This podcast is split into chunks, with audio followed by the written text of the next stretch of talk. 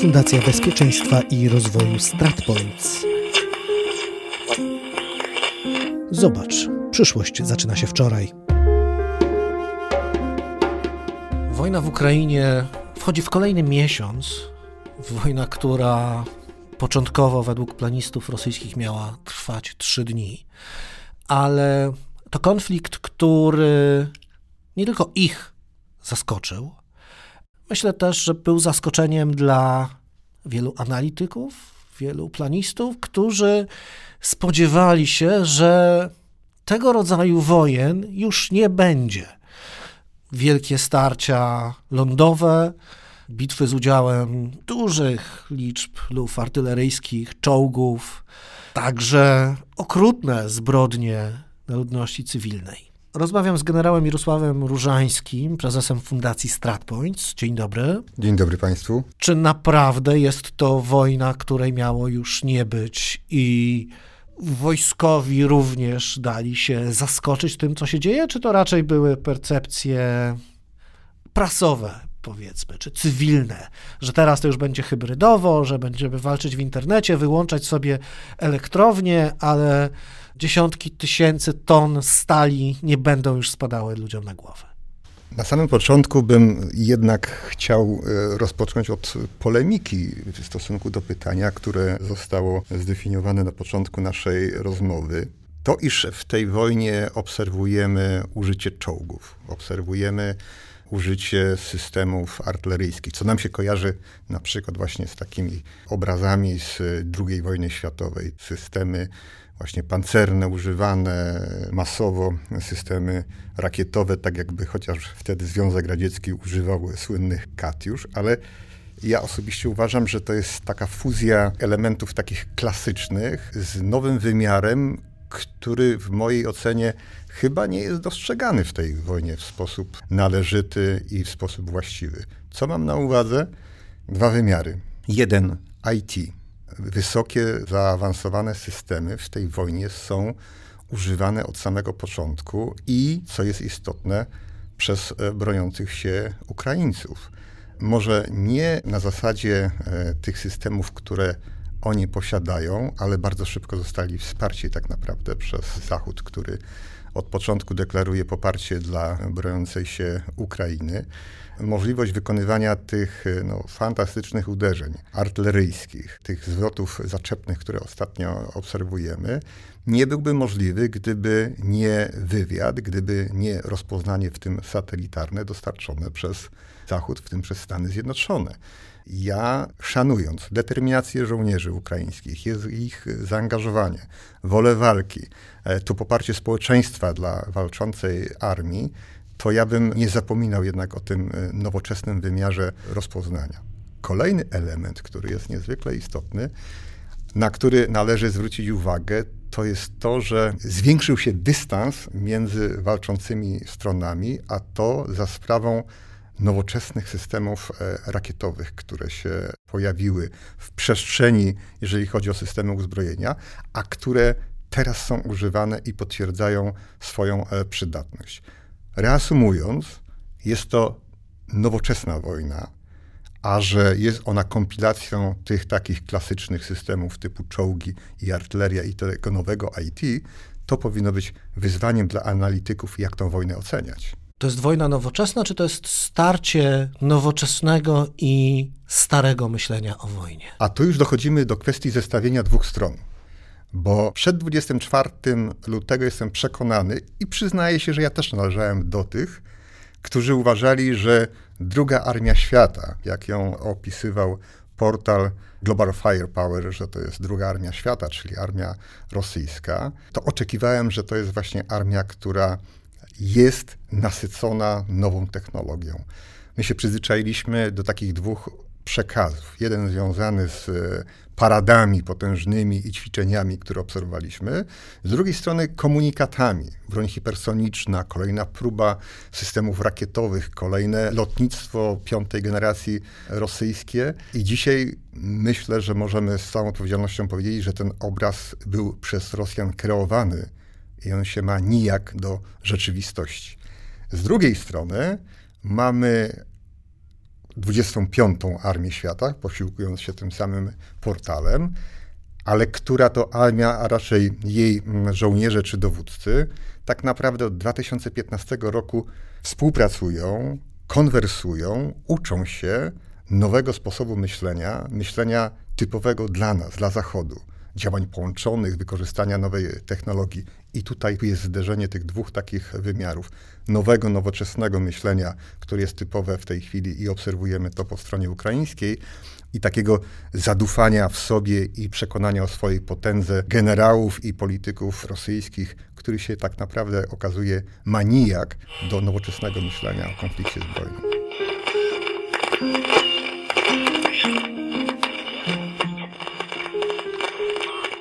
To nie jest troszeczkę tak, że z jednej strony Rosjanie wykreowali obraz, który nas wszystkich zmylił, ale z drugiej strony również NATO bardzo wszystkich zmyliło, bo byliśmy przekonani, że NATO to są te kraje, które pozbyły się czołgów, to są te społeczeństwa, które są niezdolne do ponoszenia ofiar i niezdolne do działania. Tymczasem po 24 lutego okazało się, że metody działają, że broń działa. Nawet w obszarach, które wydawały się rosyjską domeną, czyli wojna informacyjna, okazało się, że przewagę bezsprzeczną ma NATO. I jak to zadziałało? To znaczy, że NATO cały czas gdzieś tam po cichu Zachód się przygotowywał do tych konfliktów i po prostu profesjonalnie to było organizowane, a potem udzielono odpowiedniej pomocy Ukrainie? Ja myślę, że gdybyśmy spojrzeli na rzecz w sposób następujący. Ci, którzy mają wyobrażenie, że siła jest mierzona wielkością na zasadzie setek tysięcy żołnierzy, dziesiątek tysięcy systemów typu karabiny, czy, czy setki systemów artyleryjskich są wyznacznikiem potencjału i zdolności, to chyba nie jest ten e, sposób myślenia. Proszę zwrócić uwagę na kwestię taką, że rozwijająca się technologia w tym wymiarze, na przykład y, też cyberprzestrzeni, jak ona głęboko jest zakorzeniona w systemach y, zachodnich. Jak mocno myślimy o czymś takim, jak właśnie y, zdolność do prowadzenia rozpoznania na, na głębokich odległościach, jak kwestia dotycząca systemów bezzałogowych, które mogą samodzielnie operować i, i przejąć wiele tych zadań, które dotychczas musiał wykonać żołnierz mający karabin w ręce. I te systemy permanentnie po stronie Zachodu się e, rozwijały, choć one nie były weryfikowane tak naprawdę. My czytaliśmy, my zapoznawaliśmy się z opiniami i często może powątpiewaliśmy, czy taki e, samolot, w którym nie ma pilota, czy on może coś faktycznie zrobić dobrego, czy, czy nie na takim polu walki. Dobrego oczywiście e, w cudzysłowie. Ta wojna którą dzisiaj obserwujemy, jest takim potwierdzeniem, że ten kierunek rozwoju myśli, jeżeli chodzi o systemy uzbrojenia zachodnie, absolutnie się potwierdza. Z kolei myślę, że, że trzeba przyjąć tak jednoznacznie, że ci, którzy będą w takim przekonaniu, że armie duże, masowe, liczebne, taką jak jest w tej chwili armia rosyjska, no pamiętajmy, że początek tej inwazji, którą tam szacowano, że, że około 150-180 tysięcy żołnierzy rosyjskich było wzdłuż granicy e, z Ukrainą e, rozmieszczonych, to zestawienie z potencjałem armii e, ukraińskiej no, na początku nie dawało szans Ukrainie. Tak jak mówiliśmy na wstępie, ta operacja miała się zakończyć w ciągu kilku dni. A tutaj mamy już ponad pół roku tej wojny. Także myślę, że to zabrzmi może kontrowersyjnie, ale ten konflikt w Ukrainie potwierdza, że kierunki rozwoju systemów uzbrojenia zachodnich, szczególnie Stanów Zjednoczonych, ale i nie tylko, jest jak najbardziej słuszny i poprawny. Powinniśmy iść w kierunku bardziej wysublimowanych systemów, które właśnie będą bezzałogowymi, które będą poruszały się w przestrzeni autonomicznie, będzie tym wyznacznikiem, który będzie decydował o sukcesie bądź porażce w przyszłości, gdyby doszło do, do konfliktu. I to jest chyba właśnie też ten element, nad którym powinniśmy się pochylić. Ja bym przestrzegał tych, którzy już dzisiaj chcą wyciągać wnioski z tej wojny. To jest niezwykle ryzykowne, a na przykład obserwujemy to wśród niektórych polityków, którzy powołują się na sytuację, e, jaka jest obserwowana w Ukrainie i tak chcą na przykład kreować potencjał czy zdolności polskich e, sił zbrojnych. Ale tak, ta wojna potwierdza, że nowe technologie będą dominowały i dominują nad starym, takim analogowym sposobem prowadzenia wojen. Rosjanie, którzy zaczęli tę wojnę, no właśnie, analogowo armią rozkradzioną w dużej mierze, e, z bardzo, jak się okazuje, słabym zapleczem, również się uczą, również obserwują i widzą. Czy Rosja jest w stanie wyciągnąć wnioski i na tyle szybko się dostosować w konflikcie, który będzie trwał, aby w jakiś sposób odmienić jego bieg na polu walki? Wszyscy się uczymy i myślę, że Rosjanie też wyciągają wnioski z tego, co e, się stało i co obserwują e, w Ukrainie, czyli przede wszystkim to pasmo swoich porażek, bo, bo tak trzeba powiedzieć wprost. Natomiast pytanie, czy jest w stanie Rosja podjąć takie działania, które zniwelują te, te różnice, nie szybko. Bo to nie jest kwestia dzisiaj tylko skupiamy się w tej chwili na tym przekazie tego konfliktu jednak militarnego. Mówimy o tych, tych wymiarach, technologii, etc. Tylko, że najbardziej e, e, sprawna armia będzie wtedy sprawną, jeżeli jej zaplecze, zaplecze gospodarcze, przede wszystkim potencjał e, ekonomiczny państwa pozwoli, że będzie ta armia wyposażona w adekwatny sprzęt, w nowoczesne systemy.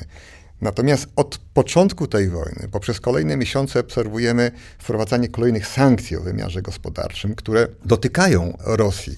Nie dzieje się to tak, iż sankcje działają tak jak skutek na przykład zamknięcia granicy, że nie można jej przekraczać.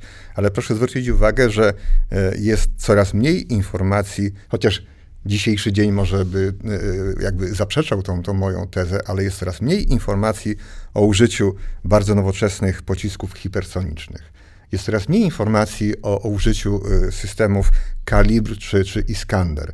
Jest coraz mniej informacji o tym, że lotnictwo na przykład e, rosyjskie strategiczne wykonało uderzenia na, na cele w Rosji. O czym to świadczy? Że technologicznie Rosja w tej chwili się zatrzymała, a nawet można mówić o pewnej zapaści, z której tak szybko nie wyjdzie. Rosja nigdy nie była krajem, który e, rozwijał swoje know-how w zakresie nowych technologii, bo ich siłą były, krótko mówiąc, ropa, gaz czy, czy, czy węgiel, gdzie one były głównym takim argumentem e, w tej e, dyskusji międzynarodowej i w ten sposób zdobywali środki, kupując też i, i, i technologie. Więc jestem przekonany, że też tą sytuację my powinniśmy postrzegać dla nas jako perspektywę, abyśmy wykorzystali ten czas.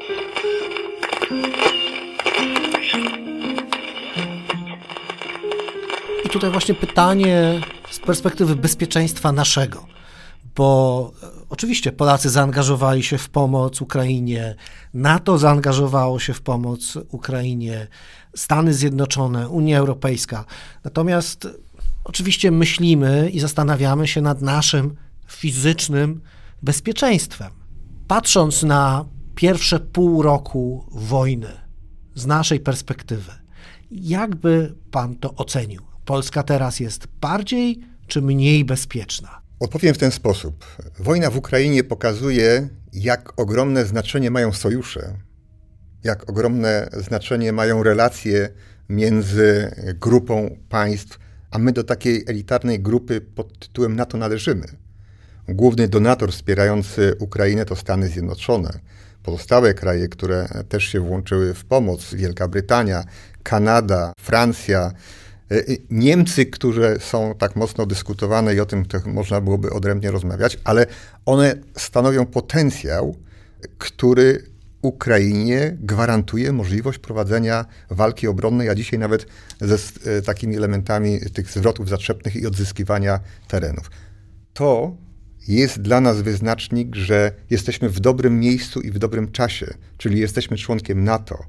I z tego powodu my powinniśmy być przekonani o tym, że nasze bezpieczeństwo nie jest narażone na szwank taki, jak chociażby Ukrainy przed 24 lutego.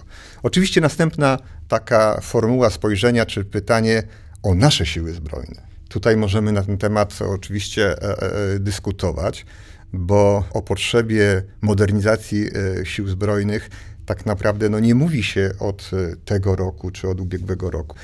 To już było dostrzegane przed 2015 rokiem, kiedy zostało opracowanych 14 programów operacyjnych, które obejmowały wszystkie rodzaje sił zbrojnych, które przewidywały modernizację marynarki wojennej sił powietrznych, wojsk lądowych czy, czy wojsk specjalnych, które to programy no niestety zostały w 2016 roku przez pana Macierewicza e, wstrzymane. E, teraz mamy sytuację, kiedy pan e, minister Błaszczak podejmuje takie niejednokrotnie samodzielne decyzje, bo chyba tak to trzeba powiedzieć. Jestem no, przekonany, że, że chce poprawić stan naszej armii. Niejednokrotnie bym może dyskutował co do kwestii podejmowanych decyzji, wyboru sprzętu, etc., ale obserwujemy teraz taki ten przyspieszony ruch związany z modernizacją armii, który trudno jest negować, chociaż wracając do tego e, pytania, ja jestem przekonany, że Ukraina daje nam czas. My nie jesteśmy bogatym krajem i my powinniśmy bardzo racjonalnie się zastanawiać nad wydatkiem każdego miliona, każdego miliarda, bo o takich pieniążkach mówimy. E, I, i powinniśmy podejmować decyzje takie perspektywiczne, dalekosiężne. Dlatego puentując, dzisiaj jesteśmy bezpieczni, bo jesteśmy członkiem NATO, bo jesteśmy członkiem Unii Europejskiej.